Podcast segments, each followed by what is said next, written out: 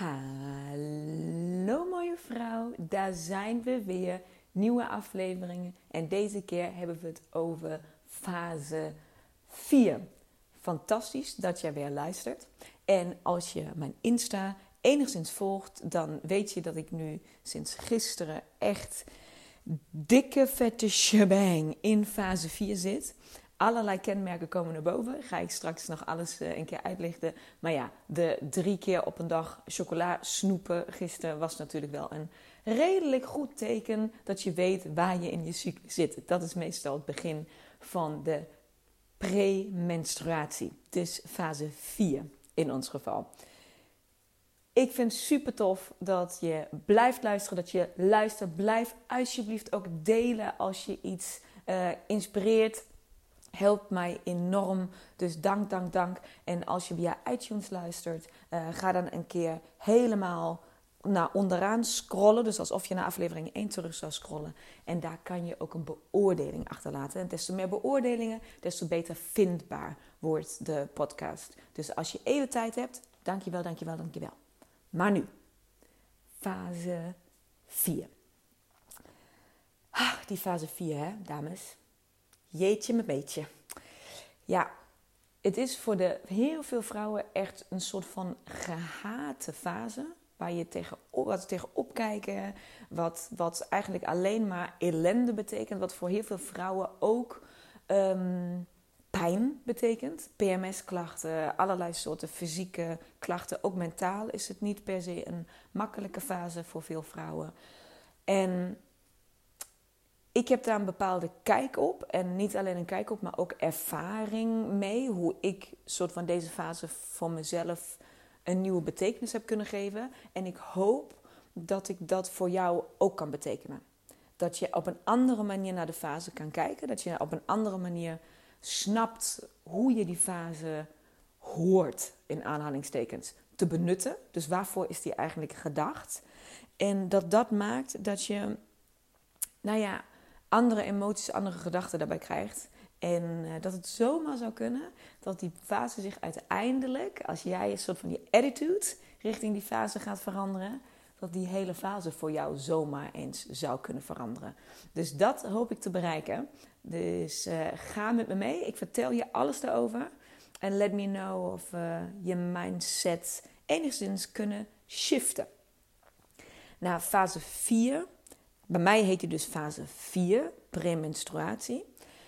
Is dus de dagen voordat je ongesteld wordt. En uh, als je daarover verder gaat lezen, dan kan je verschillende benamingen vinden, zoals bijvoorbeeld de, uh, element water, seizoen herfst, uh, hemelsrichting west.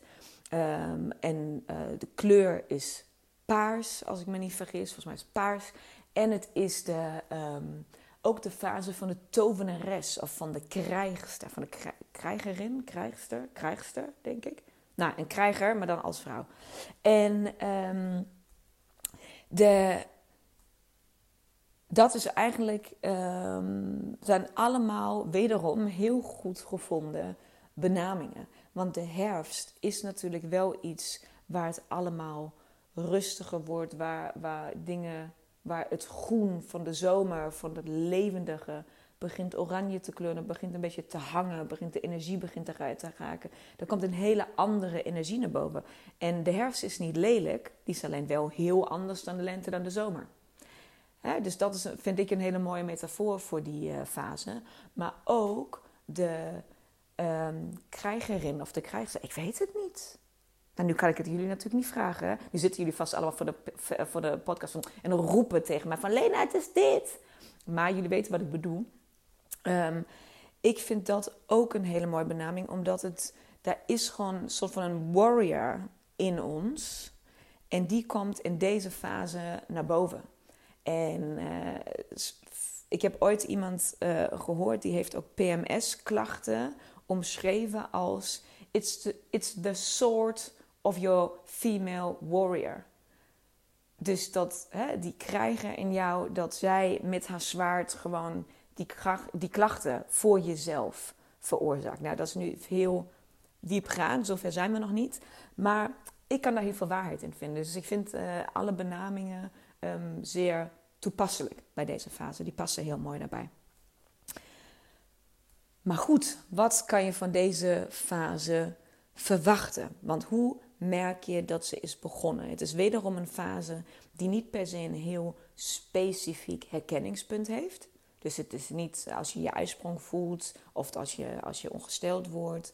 Um, zoiets specifieks heeft die fase niet. En toch weten de meeste vrouwen heel goed voor zichzelf wanneer deze fase begint, mits ze bewust daarmee bezig zijn. Want als je nog niet uh, bewust bezig bent met je cyclus en met je fases, dan is dit vooral de fase die gewoon heel vervelend is, omdat je energie zo wegzakt en omdat je chagrijnig wordt en omdat je een kort lontje krijgt en al die dingen.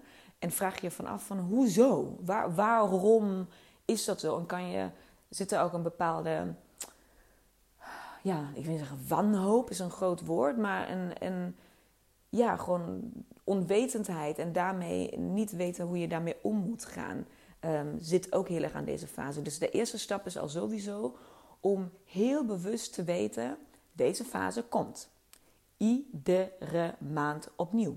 En daar doe je helemaal niks aan. Helemaal niks. Sterker nog, hopelijk kom je in een plek voor jezelf dat je je daarop kan verheugen. Want deze fase is namelijk ook knijter knijter goed ergens voor. Dus je merkt... Oh, koffiezetapparaat. Dus je merkt dat... Um, wat, heel vrouwen, wat heel vrouwen heel vervelend vinden... is dat je, als die fase begint... dat het logisch nadenken... wat je de afgelopen, zeg, tien dagen, twee weken... Um, heel ja, heel aanwezig was voor je. Dat je heel logisch strak na kan denken. Dat je, ja, je hoofd, dat je hoofd heel erg goed functioneert. En je daarmee dus ook heel goed bijvoorbeeld in de werkende wereld of tussen mannen heel erg goed mee kan functioneren.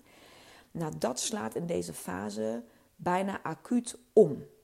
Dus logisch nadenken, gestructureerd nadenken, slaat om naar um, intuïtief denken. Dus je gaat van intellectueel dat neemt heel erg af. Ga je naar intuïtief denken, dat neemt juist toe. Dus je denkt heel erg, je, je, je denkt bij wijze van vanuit je buik. Dus je intuïtie komt heel erg bovendrijven. En als je dat niet toelaat, als je dat niet wil, als je per se bij je hoofd wilt blijven en dit gewoon niet wilt laten, laten gebeuren, dan ontstaan er conflicten. En dan vooral in eerste instantie conflicten met jezelf. En dat is dus vaak het chagrijnige, het, het, het, wat in die fase zit. Dat ontstaat in eerste instantie bij onszelf. En later, dat kan vrij rap gaan, maar iets later uiten zich deze conflicten ook naar de buitenwereld toe. En dan ontstaat er ruzie. Maar daar kom ik uh, straks nog even op hoe dat precies kan. Um, maar dat is dus een heel duidelijk, uh, ja, een heel duidelijk iets waaraan je kan merken, een kenmerk, dat die fase is begonnen. Dat je, je hoofd doet het gewoon niet meer zo goed. Je hebt gewoon langer de tijd nodig. Of je kan de verbanden niet meer zo snel leggen. Of je gaat woorden zoeken. Merk je nu ook aan mij waarschijnlijk tijdens de podcasten. Ik kom minder goed uit mijn woorden. Het gaat minder vlot, omdat ik probeer alles te onthouden wat ik je wil vertellen.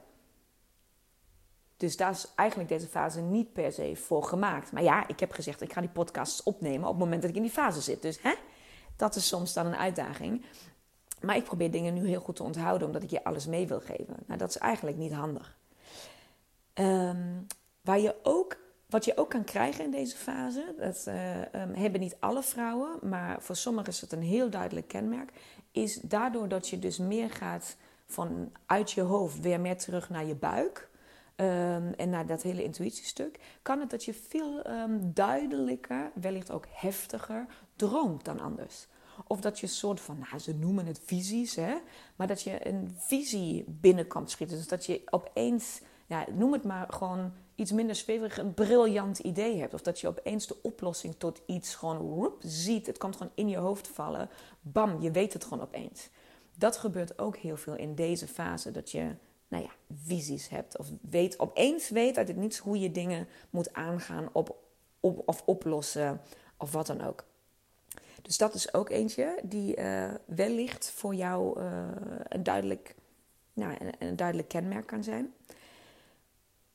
Wat bijna alle vrouwen hebben die ik ooit hierover heb gesproken, maar wat ze zelf niet herkend hebben tot dat moment bij zichzelf, pas wanneer ik het heb benoemd, is het onderwerp rusteloosheid.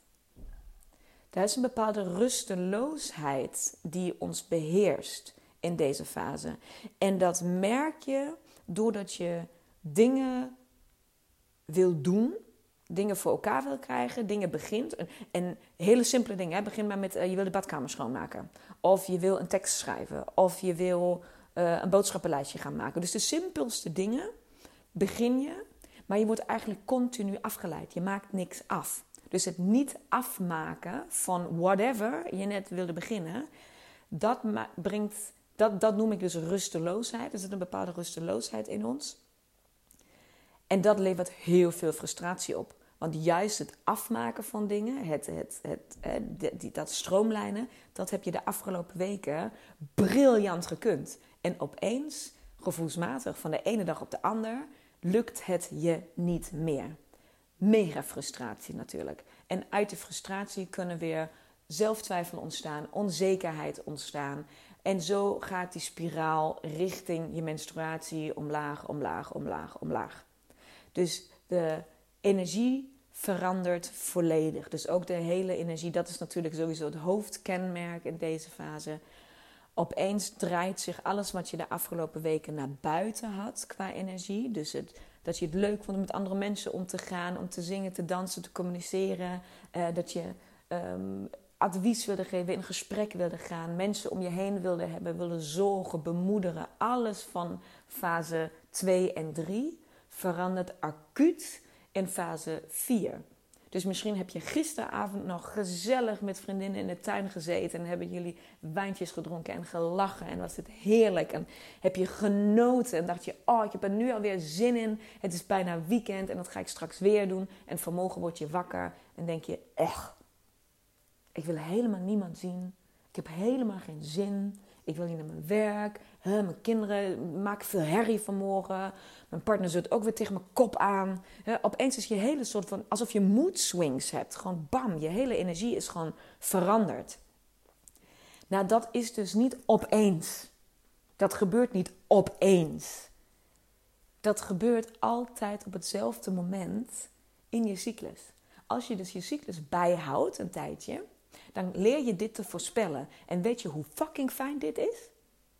Weet je hoe briljant het is als je straks in je agenda kan kijken? Juist voor deze fase, nou misschien is dit een beetje persoonlijk, ehm, maar ik vind het juist bij deze fase en voor mij persoonlijk ook juist in fase 2, dus wanneer de energie, hè, na de menstruatie, dus net na de menstruatie en net voor de menstruatie, dat vind ik de uh, agenda technisch de meest waardevolle fases om echt in je agenda altijd te weten wanneer dat is. Omdat het zo'n omslag van energie is, dat je daar gewoon rekening mee wilt houden in al je activiteiten. Je ziet mij deze week niet s'avonds afspraken maken. Met vriendinnen niet, met niks niet, met niemand niet. Wil ik niet, ben ik moe. En dat doe ik juist wel na de menstruatie. Dan gebruik ik die energie juist. Want als ik dan als ik nog in de menstruatie zit en denk van oh mijn god, ik heb nooit meer energie. Ik moet een fotoshoot doen of ik moet een workshop geven. Of kijk ik zo van overal tegenop. Ken je dat? Dat je denkt van oh, dit houdt nooit meer op. Het houdt nooit meer op. Ik krijg nog. Dat, dat kan soms zo voelen. Dat is natuurlijk totale onzin, hè? dat weten we. Maar dat kan soms op het moment dat je erin zit, kan dat zo voelen. Weet je hoe lekker het dan is dat je letterlijk in je agenda kan zien: ach, straks komt die weer. Je, je weet gewoon dat het weer gaat. Je hebt een stok achter de deur of zo. Een reminder, een visuele reminder. En je weet dus ook exact, ik kan daarop vertrouwen. Je kan het vertrouwen hebben in je lichaam. Dat jij vanaf dat moment weer kan plannen. Actieve, energieke dingen. Waar je charme en uitstraling en leuk voor moet zijn. Daar kan je op vertrouwen. En niet pas op het moment dat de energie terug is. Dat je hem al voelt. En denk van, oh kak, nu moet ik nog ga nu maar uh, nog even een workshop plannen of nog even die vergadering uh, regelen. Nee, vooraf plannen, zodat je dan je energie kan benutten. Maar goed, ik dwaal af. Maar dat is dus waarom ik het zo fijn vind om juist deze fases in de agenda te hebben, omdat het um, fases zijn waar de energie acuut en heftig omslaat. En daar kan je dus beter op plannen als je het voorspelt. En dan kan je die fase echt heel goed benutten. We gingen naar de rusteloosheid. Daar hadden we het over. Terug naar de rusteloosheid. Want het ging over dingen doen, dat je dingen wil doen, maar dat je ze niet af kan maken. Nou, dat is dus het conflict wat ontstaat als jij in deze fase wil blijven werken vanuit je hoofd. Als jij alles vanuit je hoofd wil blijven doen en je lijstjes af wil werken en je, je schema's wil maken en volgens jouw eigen systeem je badkamer schoon wil maken en hè, je, je week vooruit wil plannen door met je boodschappenlijstje en al dit soort dingen, dan ben je nog steeds enorm in je hoofd. En dat werkt dus op het moment niet goed. En dus je intuïtie gaat daar tegen in, om maar zo te zeggen. Dus je bent dus de hele tijd je intuïtie, dat, uh, dat uh, intuïtieve denken, ben je weg aan het duwen. En daardoor ontstaat dat conflict wat er dan binnen bij jou ontstaat. Dat ontstaat niet bewust, dat doe je niet bewust, maar dat is wel wat er dan ontstaat. Dat het resultaat daarvan is rusteloosheid. Want je rusteloosheid is eigenlijk een soort van negatieve uiting van enorme creatieve energie die vrijkomt in deze fase. Dus dat is wat ik bedoel. Als jij leert op een andere manier naar deze fase te kijken, dan is die goud waard. Ik herhaal hem nog een keer, ik leg, leg het nog een keer uit. Dus bijna iedere vrouw die ik ooit heb ontmoet, als je hier even langer over nadenkt, dan ervaar je dus rusteloosheid.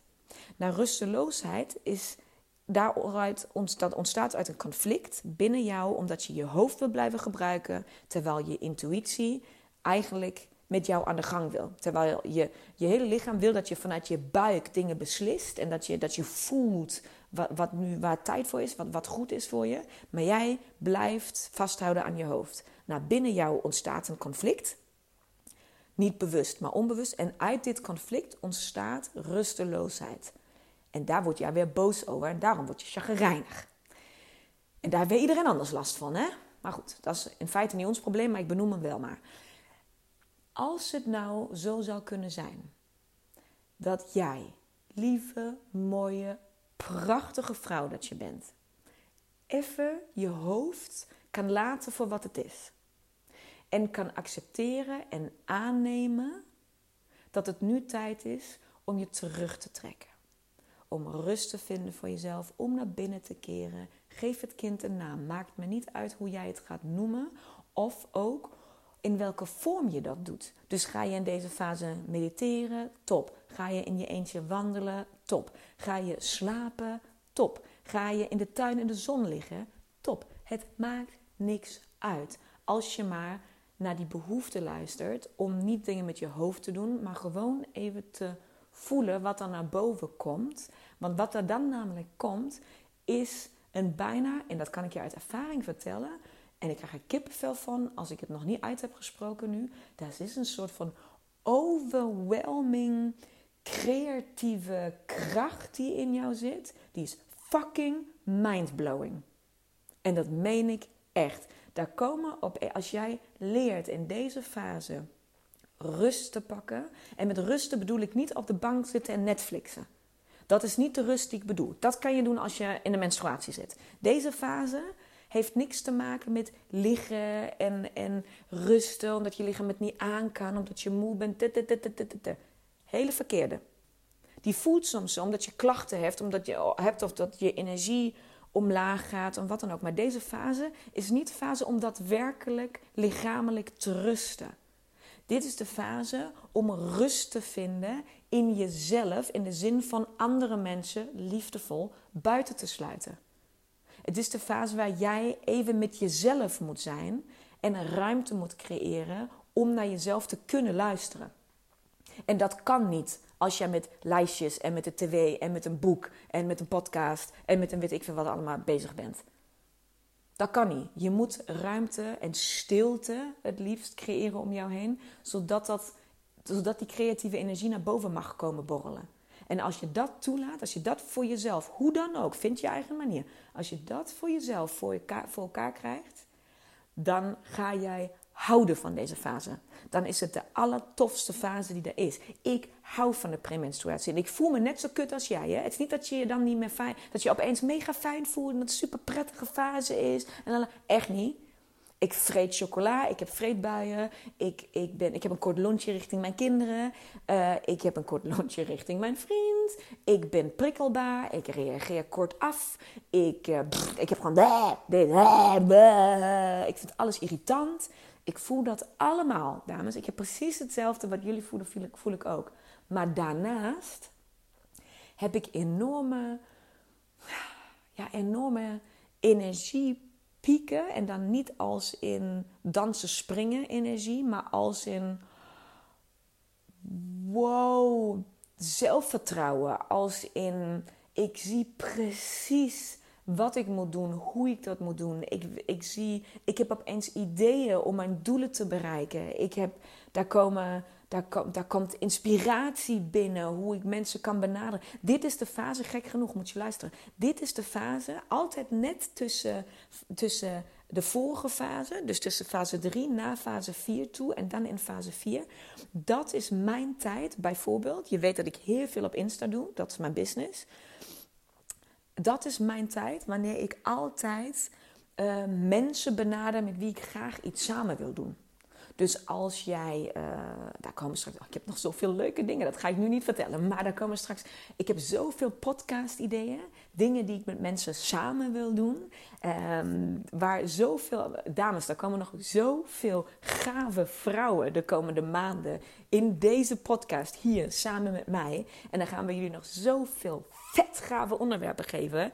Niet te pruimen. Echt waar, ik ben zo enthousiast. Nou, dat is dus, dit ontstaat dit, het idee, het, het benaderen van de juiste vrouwen, het vinden van de juiste vrouwen, de juiste energie. Want ik denk van, oh, dat zijn vrouwen die heb ik nog nooit eerder gezien of gesproken. Die kom ik opeens tegen op Insta. Die zie ik opeens en van, oh, jij bent interessant. Met jou wil ik contact. En ik wil met jou spreken. En dan komt het. Dat is altijd in deze fase. Dan leg ik contact. Omdat ik dan heel puur weet dat, dat, dat dit de creatieve energie is. Ik doe alles vanuit mijn buik. Ik voel gewoon. Ik heb geen idee of die dames succesvol zijn in wat ze doen. In de zin van of ze al weet ik hoeveel volgers hebben. Of maakt helemaal niks uit. Ik voel aan dat ik met jou iets samen moet gaan doen. En het klopt altijd. En dat is. Dan krijg je een soort van boost binnen jezelf. Een, een zelfvertrouwen. Een soort van lift. Zo'n uplifting iets. Je gaat gewoon net rechter opstaan. En je ogen beginnen te sprankelen. Je hebt soort van een momentje in jezelf. Want je bent dan op dat moment alleen met jezelf. Want dat heb je net gecreëerd. En dan heb je zo'n voldoening. Dat is magisch. Dat is echt magisch. En dat gun ik je zo. Dus please, please, please. Leer deze fase op de juiste manier te benutten. Zo belangrijk. Dus nog een keer samenvattend, als, je, als dus die rusteloosheid ontstaat en je blijft daar tegenaan vechten, je gaat niet afduiken naar je buik, je gaat niet het intuïtieve opzoeken, je gaat niet die rust in de zin van stilte om je heen creëren. En je gaat dus die behoefte die je lichaam eigenlijk heel duidelijk aangeeft, als je daar geen gehoor aan geeft, dan wordt dus die, dat conflict binnen jou steeds heftiger, steeds dieper, steeds intenser, van fase naar fase naar fase. Waarom? Ik heb ooit in een, vorige aflevering heb ik uitgelegd: je cyclus is net als een zeer knie, als een geblesseerde knie. Dus als jij niet blijft. Ehm, als je blijft trainen en blijft wedstrijden spelen, gaat dat knie steeds verder opspelen. Pijn, pijn, pijn, pijn, pijn. Nou, als jij nu op dit moment een hele, hele heftige premenstruatie voelt, als fase 4 voor jou echt killing is. Zowel qua pijn als ook mentaal. Dus als je het zwaar hebt in deze fase, als je deze fase echt niet uit kan staan en er tegenop kijkt, dan is deze aflevering precies voor jou. Want dan is de kans heel erg groot dat jij al maanden, al dan niet jaren, tegen deze fase aan het vechten bent je hoofd daarbij wil houden en niet af wil duiken, de stilte niet opzoekt, al die dingen, alles wat in deze fase zou moeten gebeuren om die creatieve energie te benutten, hou jij dus tegen. En wat jouw cyclus aan het doen is, die is tegen jou aan het vechten. En die gaat steeds harder schreeuwen. Steeds harder, steeds harder, steeds harder. Totdat je luistert. Steeds harder. Dat is wat hij aan het doen is. En steeds harder betekent steeds meer klachten. Steeds meer onzekerheid. Steeds meer pijn. Steeds meer zelftwijfel. Steeds meer, meer, meer, meer, meer, meer. Tot je luistert. Dat is wat je cyclus doet. Dus please, bevat je met dit onderwerp. Het kan je op zoveel vlakken in je leven helpen. Echt waar. Echt waar. Dus zo merk je dus hoe de fase is begonnen. En ik ben al een stukje doorgedraafd in, in, in hoe je hem kan benutten, wat je ermee kan doen. Maar je merkt dat bij mij komt er zoveel energie uit omdat ik op dit moment dus vanuit mijn intuïtie kan praten. Dus nu ben ik de draad kwijt in mijn opbouw van de podcast. Maar dat doet er even niet toe, want dit, dit is het belangrijkste. Dit moest ik tegen je zeggen. Dit moet jij weten. Hier moet jij iets mee willen. Hoop ik. Please. Dus om mijn draad weer op te pakken, waar is het tijd voor? Nou, heb ik eigenlijk net al benoemd. Het is tijd om af te duiken. Om soort van, noem het in de zweverige termen. Maak contact met je onderwereld. Maak contact met jezelf weer. Je bent de afgelopen twee weken zo met extern bezig geweest. Ga even naar intern. Ga even eh, weer naar binnen kijken wat daar allemaal de afgelopen paar weken gebeurd is. En het is dus tijd voor creativiteit.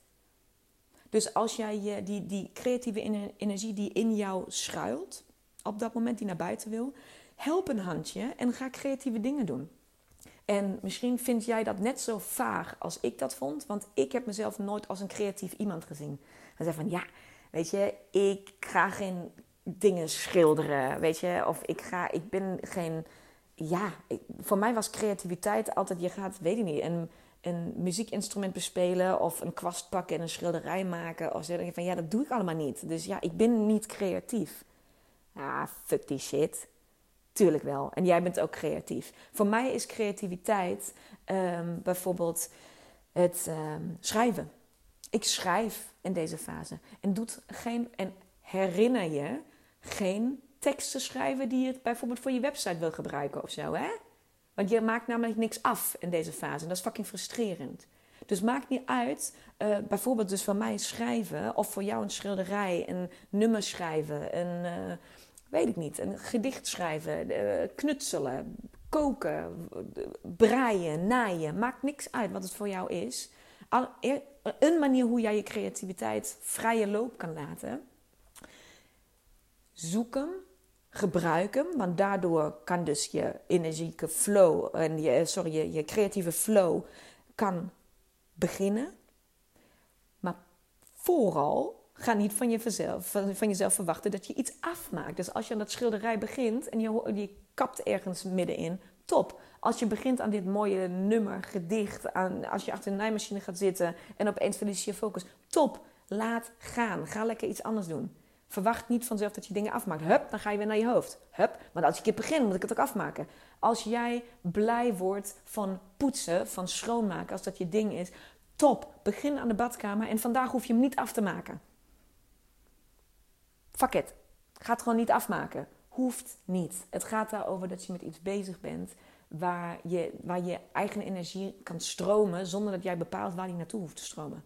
Dat het gewoon mag gebeuren. En als je dus geen zin meer hebt, dan stop je dus. En dat gaat in deze fase dus sowieso gebeuren. Want je kan niks afmaken in deze fase. Dus daar, ja, dat is gewoon waar, waar tijd voor is nu. Gebruik die creativiteit, zoek die op. Ja, en terugtrekken. Rust, maar niet lichamelijke rust. Dus pak rust om tot je eigen kern te kunnen vinden. Om je intuïtie aan te wakkeren. En ja, voel, je zult ook zelf voelen dat je moeite hebt met je omgeving. Dat je moeite hebt met anderen. Dat dat gewoon even irritant is. Ik noem het uh, in mijn workshops, dus die mensen die al... Ik weet dat een paar vrouwen ook uh, altijd nog meeluisteren... terwijl ze workshops al hebben gevolgd van mij. Ik noem deze fase ook dat dat moeite met omgaan met anderen... Jij, jouw bullshit radar staat aan. In hoofdletters aan in deze fase. En met bullshit radar bedoel ik, jij staat zo dicht bij jezelf in deze fase. Dus je bent, als je toelaat, als je uit je hoofd kan komen, dan ben jij zo dicht bij je intuïtie en bij je normen, bij je waarden, bij je principes, bij je moreel, bij, bij alles waar jij voor staat. Daar kom je dan zo dichtbij dat zodra iemand ook maar iets zegt of iets doet wat daartegen inbruist of gaat, dan vind je daar iets van. Gelijk. Hallo, wat denk je wel niet? Nou, en dat gebeurt. Dat is onze bullshit-radar. En die uit zich misschien soms niet altijd even prettig voor je omgeving. Maar die is wel fucking prettig voor onszelf. Want het geeft jou, dat is namelijk ook je intuïtie tegen je praat. Dus als jij ook je bullshit-radar op de juiste manier leert benutten, namelijk dat jij niet alleen maar andere mensen afcovert omdat ze niet, zeg maar, in aanhalingstekens aan de verwachtingen van jouw bullshit-radar voldoen. Nou, dat is nummer één wat je daarmee kan doen. Dat gebeurt gewoon soms, vaker in deze fase. Maar als je vooral leert, oké, wacht even.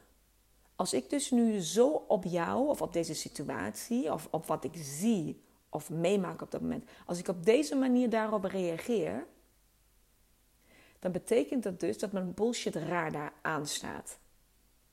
Dat betekent dus iets voor mij wat ik hiermee moet doen. Daar gaat dus iets tegen jouw normen en waarden in. Tegen wie jij als mens bent. Tegen waar jij voor staat. En ook zijn het maar hele kleine dingen. Ik zal je één ding vertellen, een, een heel persoonlijk voorbeeld, wat ik de afgelopen twee dagen mee heb gemaakt. Je kan je voorstellen dat ik nogal veel met mijn telefoon bezig ben. Mijn, mijn telefoon is mijn business. Ik communiceer met jullie via mijn telefoon. Mijn podcast neem ik op met mijn telefoon. Ik maak mijn stories met mijn telefoon. Ik, al mijn e-mails, alles. Al, ik heb bij wijze van geen laptop nodig. Ik doe alles op mijn telefoon. Dus heb ik mijn telefoon nogal vaak in handen. Wat niet altijd prettig is voor iedereen anders. Maar dat is wel hoe het is. Nou, wat mij dus persoonlijk de afgelopen twee dagen opviel, is ehm, dat mijn vriend, terwijl we thuis waren met de kinderen, tijdens het eten, dus als de kinderen aan het ontbijten zijn of aan het lunchen of wat dan ook. Dus, nou, laten we even herstellen. Momenten dat wij niet samen eten als gezin. Dus de kinderen ontbijten net wat vroeger als wij. Gaan dan naar de opvang en dan beginnen wij aan de dag. Um, dus ontbijt doen we bijvoorbeeld in, door de week niet samen. Dus kinderen eerst, daarna wij. Viel me op dat op de momenten dat wij niet, dat de kinderen eten, maar wij niet, dat hij op dat moment met zijn telefoon met hun mee aan tafel zit.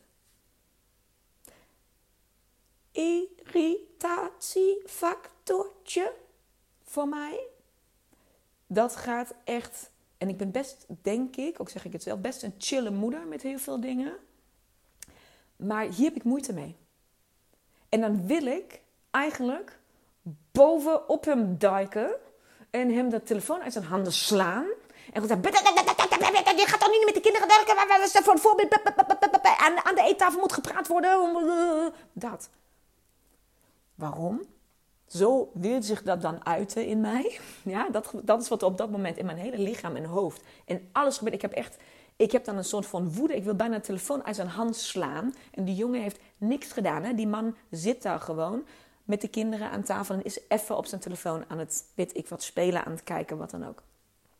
Wat gebeurt daar? Dit is iets wat ik van kinds af aan erin geramd heb gekregen. Van mijn ouders, vooral van mijn vader.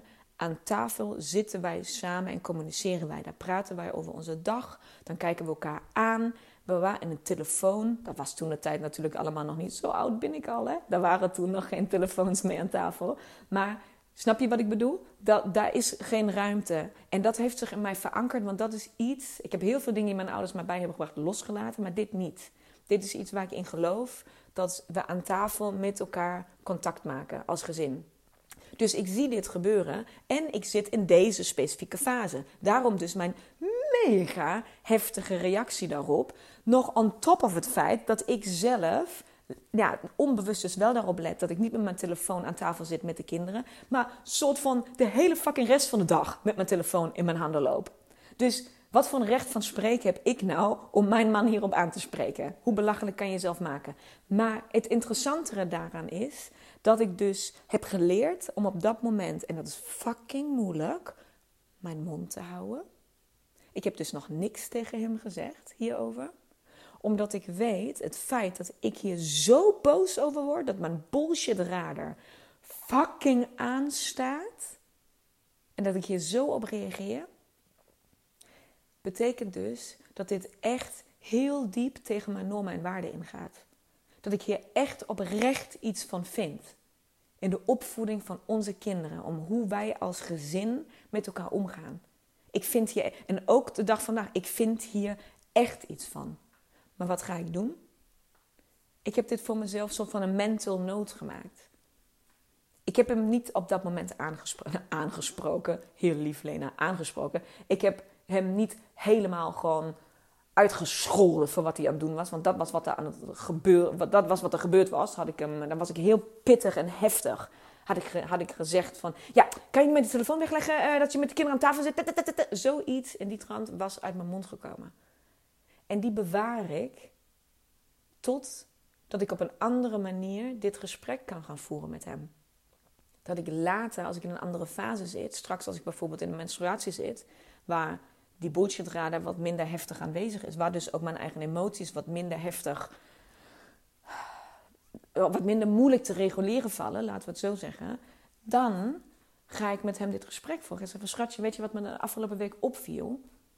En ik vind dit moeilijk, want ik heb dit zo meegekregen en ik weet dat je dit niet bewust doet, maar het viel mij op. En wil je daarop letten en wil je alsjeblieft mij ook corrigeren als je het mij ziet doen? Want misschien doe ik het ook wel en heb ik het niet door. Maar ik vind het wel belangrijk dat we het niet doen. Zie je hoe dit een heel ander gesprek gaat zijn, wat wij met z'n tweeën gaan voeren? Waar niet de kinderen mee aan tafel zitten, die niet gaan zien dat ik hem aanval terwijl ze erbij staan. Dat hij zich niet aangevallen hoeft te voelen in die situatie. Dat die hele situatie gewoon niet is ontstaan. Alleen in mij, binnen in mij. En ik, ik sloek hem niet weg. Hij is niet weg. Ik, ik stop hem niet weg en zeg van ja, het is niet belangrijk. Jawel, het is fucking belangrijk. Alleen niet nu. Mijn intuïtie, mijn bullshitradar, mijn buikgevoel heeft mij een hele duidelijke boodschap gegeven. Door mij woede te sturen dat dit niet oké is. Dat dit voorbij mijn grens is. Heel simpel voorbeeld, hè? Maar ik hoop dat jullie met mij mee kunnen dat dit ook nog voor duizend andere dingen gewoon klopt. Of dat nou op je werk is, met je gezin, uh, weet ik veel wat. Als je kinderen naar de opvang brengt of naar je school, of dat je, dat je met vriendinnen. Altijd wanneer deze bullshit raar daar aanslaat, dan is er iets veel diepers aan de hand. Dus doe daar iets mee. Ga daarmee aan de slag. En niet met de situatie die dat triggert. Want dat is alleen een trigger. Dat is iets veel diepers aan de hand. Dus wat kan je doen in deze fase? Wat kan je doen? Je kan vooral, dus het allerbelangrijkste is accepteer je eigen behoeften en handel daarna. Je wil afduiken, je voelt dat je niet met anderen even wil zijn. Je hebt dat allemaal Handel daar dan ook naar. Neem die stilte, neem die rust, trek je terug, doe iets creatiefs. Alles wat ik net heb benoemd. Dus meditatie, wandelen, schilderen, schrijven. Doe het allemaal, maar doe het alleen. Ga niet een vriendin bellen om samen te wandelen. Ga alleen naar het strand. Ga alleen naar het bos. Ga alleen gewoon door de wijk wandelen. Het maakt niks uit. Dus je hebt nu de allerbeste toegang tot je intuïtie je allerbeste toegang tot jezelf om zeg maar, die bullshit raden aan te laten slaan. Nou, luister daar dan naar. Doe daar iets mee. Oefen daarop. Dus dwing jezelf bijna af om dingen voor jezelf te moeten doen. Dat je tijd neemt voor jezelf. Ook de dag zo plant. En één ding wat je misschien kan doen om je terug te trekken, want deze fase is ook, dat is nog een kleine tip op het eind, is briljant om dingen los te laten. Dat is nu zeg maar de zweverige uitleg daarvan. Daar ga ik nu even niet nog een keer op in. Maar heel praktisch, loslaten betekent ook, uh, ook weggooien, opruimen, wegdoen, uitsorteren. Dus dit is de meest briljante fase om bijvoorbeeld je kledingkast een keertje op te ruimen. Of de schuur, of je voorraadkast, of wat dan ook. Of het oude speelgoed van de kindjes, of noem het maar op, wat er allemaal op te ruimen valt. Je uh, kast met al je boeken en papiertjes en schriftjes uh, toen je nog uh, naar school ging. Nou, hm? is het misschien tijd een keertje om uit te misten? Nou, je bullshit radar staat ook hiervoor perfect aan. Dus je voelt nu perfect aan wat je wel of niet wil houden. Wat heeft nog toegevoegde waarde? Wat wil je houden? En wat kan gewoon weg, weg, weg, weg, weg, weg, weg, weg, weg. En heel handig als je dit dan ook alleen doet. Dus als je niks creatiefs weet, ga dan gewoon opruimen, sorteren, wegdoen. Ook een hele fijne. Goed, dames. Ik hoop genoeg inspiratie, tips, trucs, um, inzicht voor jou om deze fase anders te begrijpen. Om de, de ware essentie van de premenstruatie, die voor zoveel vrouwen alleen maar negativiteit betekent. Ik hoop dat ik je ogen mocht openen en dat je ziet dat deze fase nog zoveel meer kan. En dat je vooral ziet dat je wellicht, wellicht, dat jij zelf degene bent die deze fase zo heftig maakt. Ik begon ermee dat ik ooit heb gehoord dat de, dat de, dat de, de pijn of de klachten, fysieke pijn, maar ook mentale pijn, hè, dat zware wat om deze fase hangt, dat dat het zwaard is van jouw female warrior. Nou, als die nou niet meer hoeft te vechten tegen jouw hoofd, als je intuïtie nou mag stoppen met vechten, omdat jij helpt door je hoofd niet de bovenhand te laten hebben in deze fase, dan hoeft deze female warrior ook niet meer zo hard te vechten. Dan hoeft ze haar zwaard wellicht niet meer te gebruiken. En wellicht kan daardoor ook pijn en verdriet en klachten wat milder worden voor je. Ik gun het je. Ik hoop het je. Ik hoop het voor je. Als je vragen hebt, als je dingen wil weten, als je denkt: deze aflevering moet iemand anders beluisteren, want ik ken iemand die. Please screenshot je en zet ze in je stories. Of tag vrouwen daarin. Of uh, weet ik veel wat. Hoe je het ook wil communiceren op jouw manier. Maar communiceer, communiceer. En laten we samen zorgen dat we een mega olievlek creëren. En dat wij vandaag over een jaar gewoon weten dat het vanzelfsprekend is dat zoveel vrouwen dit al weten, horen, zien en hun leven hiermee echt oprecht kunnen veranderen. Ik kan niet wachten. Ik kan niet wachten om daar deel van uit te maken van deze movement. Let's start a fucking revolution. Ladies, bedankt voor het luisteren. Super, super, super fijne dag of avond. En tot de volgende aflevering. Doei!